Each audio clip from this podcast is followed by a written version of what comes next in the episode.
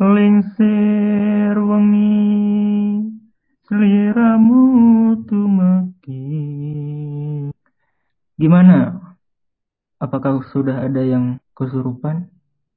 Atau mungkin sudah ada setan di sisi kamu? Eh, minggir, minggir, minggir. Ada apaan Mau sih? ngapain sih? Ada apa? Ada apaan sih? Ih, mau ngapain sih? Mau dengerin Yas Podcast? Kembali lagi di IAS Podcast bersama Aurora, Roro, dan Pita. Sekarang episode spesial kita akan membacakan seluruh cerita yang telah dikirim oleh pemilik IAS lewat Kremes. Bagaimana cerita-cerita mereka? Inilah cerita mereka. Cerita pertama dari anak Mangoria. Ini kejadiannya pas malam bulan puasa. Aku lagi halangan. Otomatis ya nggak puasa kan. Nah, malam itu aku kebangun. Pas aku buka mata, langsung depan muka lihat ada anak kecil, mukanya tua, terus tuh keriput. Kayak ngetawain aku.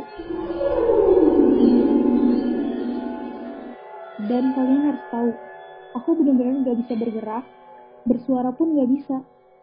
Apalagi pas aku sendirian di kamar. Aku merasa kayak patung dan bingung harus ngapain. Aku cuman komat pamit sampai akhirnya aku bisa bergerak dan dia tiba-tiba hilang gak tahu ke mana. Aku sampai keringat dingin dan lagi-lagi aku cuma bisa diam kayak lagi mencerna situasi apa yang lagi terjadi. Mau keluar takut karena ada suara cepikan dan siul-siul. Sekarang cerita kedua yang akan dibacakan oleh Roro. Cerita selanjutnya dari Aka.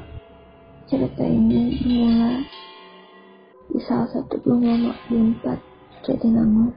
Pagi-pagi kelas masih sepi, dinanti orang mahasiswa yang berdatang. Masuk ke kelas, duduk di bagian belakang atau baris keempat dari depan. Tetapi saat mau duduk, selintas lagi Parubaya bungkuk di pojok belakang kelas, seperti sedang menunduk terlihat. Coba melihat lagi dia, tidak ada.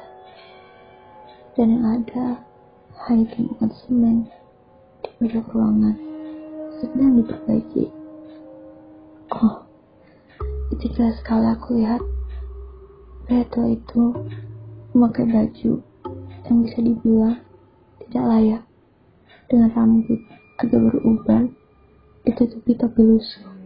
Mungkin dia menjaga gedung ini pikirku. Pesan, jangan bicara sumpah di daerah Jatinangor. Ini wilayah yang dulunya banyak buruh perkebunan yang menderita pada masanya. Mereka sekarang muncul soal minta tolong Apakah itu tiga orang mahasiswa yang lihat gitu sekaligus atau gimana ya? Kalau tiga orang sekaligus wah itu bisa validasinya jelas banget sih. Bener gak? Mungkin bisa diajak teman-teman yang melihatnya. Apa mungkin dia indigo ya? Apa jangan-jangan dia ini Tapi bisa aja sih dia salah lihat. Iya, bisa jadi. Soalnya kita Kan- nggak tahu daerah itu dulu kayak gimana. Jangan pernah ngomong-ngomong sompral gitu ya. Iya, aku Oh, pernah tuh empat. pulang jam 4 loh di, dari Unpad. Jam Jam, 4 pagi. terus ada kejadian. Enggak, enggak ada. Cuma ngomong aja. Kalian tahu ini nggak sih yang ada lapangan basket gitu di Petka? Gak tahu Faperta, gak tahu apa. Oh, yang dekat makanan itu bukan sih yang banyak makanan? Bukan, bukan. Yang D3, yang Faperta D3 yang atas. Oh iya, Ini tuh serem tahu lapangan basketnya kayak gak enak aja. Tapi kalau di Faperta yang paling serem ini sih gedung HPT. oh iya katanya. Ya, Osek. Apalagi pernah tuh di sosek kan lampunya cuma satu. Yang itu yang bermasalah. Di mana? Di Lang- Yang dekat ruang himpunan. Tapi aku belum pernah lihat tuh. Kalau mati nyala mati nyala gitu. Emang pernah kejadian kayak gitu? ya aku pernah Jam berapa nu? empat atau lima Padahal masih sore. bukan karena setan sih kayaknya itu memang lampunya aja udah jelek Mau error.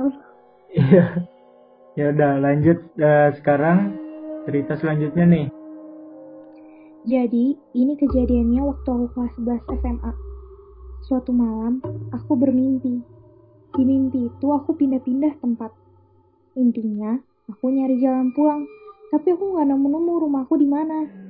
Setiap ketakutan dalam hari, aku selalu berakhir di tempat yang beda-beda. Yang aku ingat, di daerah rumah nenekku, terus di tempat yang lain juga. Aku dikejar sama dua makhluk, eh, K dan satu lagi aku lupa yang ngejar siapa. Terus pas aku udah sampai di rumah aku, masih dalam mimpi ya ini, aku ngeliat diri aku yang lagi tidur di kamar aku. Aku mau masuk ke tubuh aku karena aku udah capek banget tuh dikejar-kejar, tapi nggak bisa. Makhluknya itu ngalangin aku buat masuk ke tubuh aku yang lagi tidur. Dia berdiri di ujung kaki aku yang lagi tidur, kayak berasa nyata banget. Aku takut pas aku masuk ke kamar. Aku berdiri di depan pintu kamar sambil baca doa sekuat tenaga. Karena kalau dalam mimpi kan kita nggak bisa ngomong atau teriak dan itu bikin frustasi gitu. Tapi aku coba terus sampai makhluk itu pergi. Nah, pasti udah nggak ada, akhirnya aku bisa masuk ke tubuh aku. Aku langsung bangun, kaget, dan napas. Bener-bener kayak habis lari gitu, cepet banget. Langsung baca ayat kursi aku. Alhamdulillah banget bisa masuk.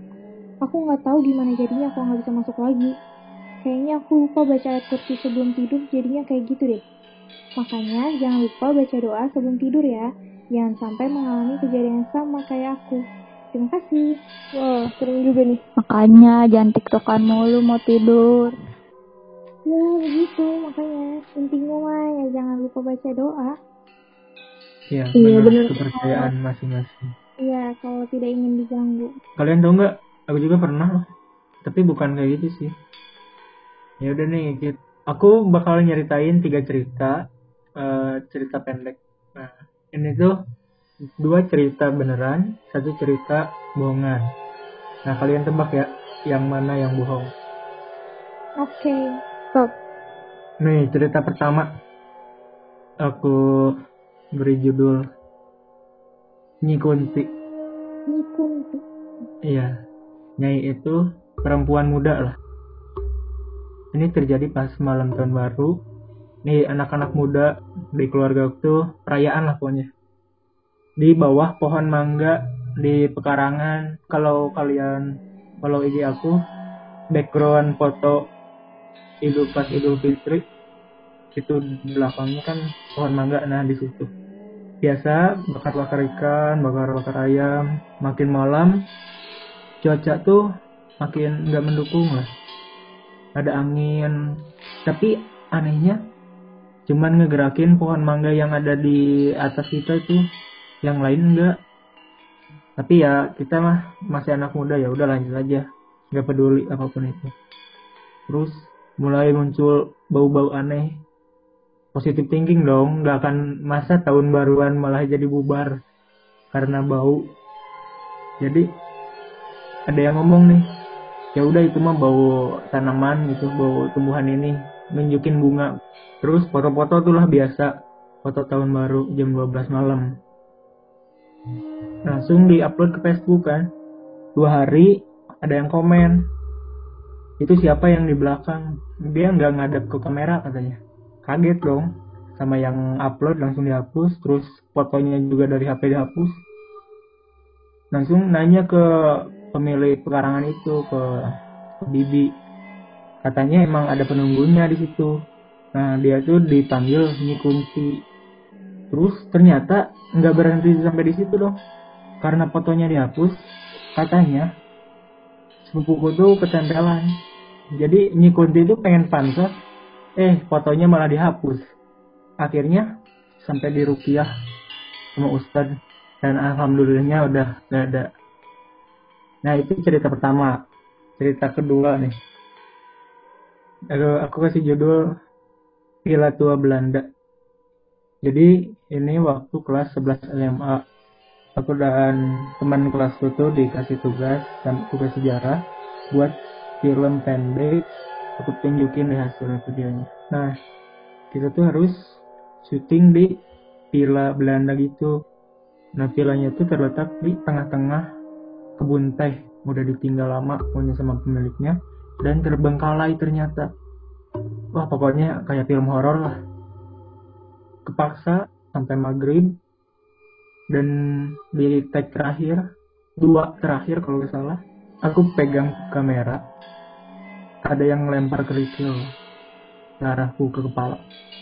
Tapi aku nggak ngomong ke orang-orang biar nggak rusuh lah nggak ribut saya diam eh ada orang lain yang ternyata mengalami hal yang sama dan dia ngomong ke orang. Ya akhirnya rusuh lah. Semua pada kabur. Akhirnya di stop dah tuh. Dilanjut besok. Tapi manggil kuncen kita. Jadi biar aman. Dan ternyata katanya noni noninya itu yang nggak suka aja. Tapi kuncen udah netralisir dan gak ada yang ketempelan amin udah tuh cerita kedua. Terakhir uh, aku beri judul uji nyali. Jadi aku tuh jadi panitia kegiatan karakter building di sekolah. Sekolahku tuh eh, bekas Jepang sama Belanda. Nah acara karakter building tuh dua hari tiga malam. Di hari kedua ada kegiatan jelajah gitulah jelajah alam nah waktunya tuh dari jam 9 sampai sore nah di rundown jam 2 malam ada jurit malam. Kalau aku sih sebenarnya waktu itu bukan bagiannya jadi ya udah aku tidur. Aku tuh tidur di UKS mereka masih kegiatan tuh. Nah mereka tidur jam 9 bangun jam 1 buat nyiapin jurit malam ada yang protes tuh. Amin satu jam nih hampir satu jam ada yang protes. Guru katanya kalau fisiknya lemah peserta lemah nih mentalnya juga pasti lemah bakal gampang kerasukan katanya. Nah aku main tetap tidur. Sampai jam 4 atau jam 3 pas waktu mereka sholat tahajud. Aku sholat isya sama tahajud. Akhirnya tetap dilaksanain dong masa hamil satu jam dibatalin terus di satu di satu pos terjadi dah tuh kesurupan. Akhirnya diberesin dibawa ke UKS tapi mereka nggak mau. Ya udah bawa ke ruang panitia. Jam 3 jam 4 udah beres nggak ada apa pun. Biasa lagi sampai siang itu diceritain sama panitia lain tentang kejadian itu tentang kejadian kesurupan. Nah aku penasaran dong kenapa mereka nggak mau tidur di UKS bersama aku. Ke aku bau atau gimana? Nah aku tanya tuh ke salah satu orang yang kesurupan. Dan ternyata dia bilang katanya yang rasukin dia itu bu noni. Dan noninya itu lagi tidur di UKS waduh kaget dong. Cuma lagi tidur di situ. Ya udah udah tuh cerita ketiga. Gimana? Udah pada bingung? Serem-serem semua nu. Um, cewek semua ya, mohon maaf. Hantunya. iya cewek semua kebetulan kan aku cowok jadi banyak yang sukanya cewek lah Dari tiga ini yang bohong cuma satu kan?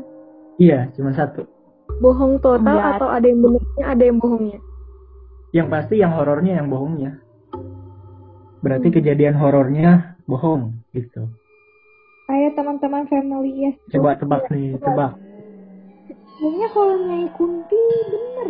Soalnya ada fotonya di IG-nya Ibnu. foto pohon mangganya bukan pohon eh, bukannya kuntinya Kayaknya sih. ya, aku bimbang nih.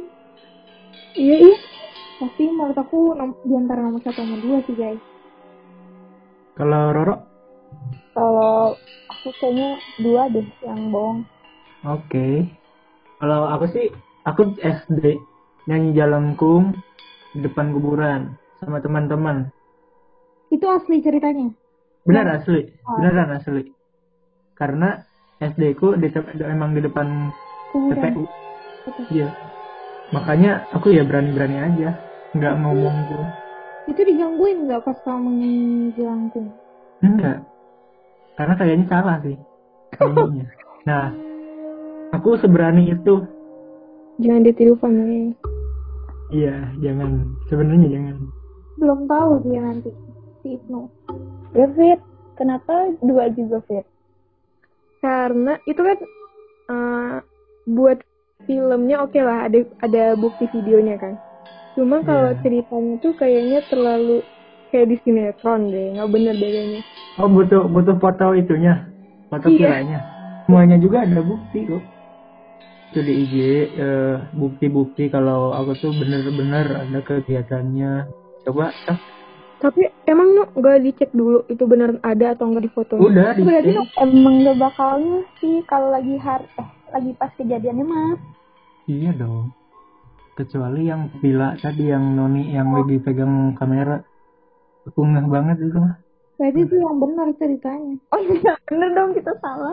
ya gak tahu gak tahu Itu ketahuan. ya coba aja gak tahu Udahlah aku nomor satu aja lah. Bikin ragu nih si Ibnu. bisa jadi nomor tiga yang bohong kan Kalau kesurupan tuh emang iya nggak sih? Lagi jurit malam. Bohongnya tuh Ya. yang noninya di UKS tapi nggak tahu dah. Eh, Nah, nah gitu itu. juga.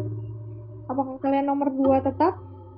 ya udah voting terakhir nih So, Kak Aurora ya satu dua tiga satu. iya sok ke Roro Dua. dua Kamu nomor tiga Fit. Aku dukung. Deh, kenapa kenapa nomor tiga jadi pindah karena itu tadi aku ragunya yang si noni Belandanya tidur di UKS itu. Oke. ya. masuk akal sih masuk akal sih oke kita kunci jawabannya cerita yang salah adalah nomor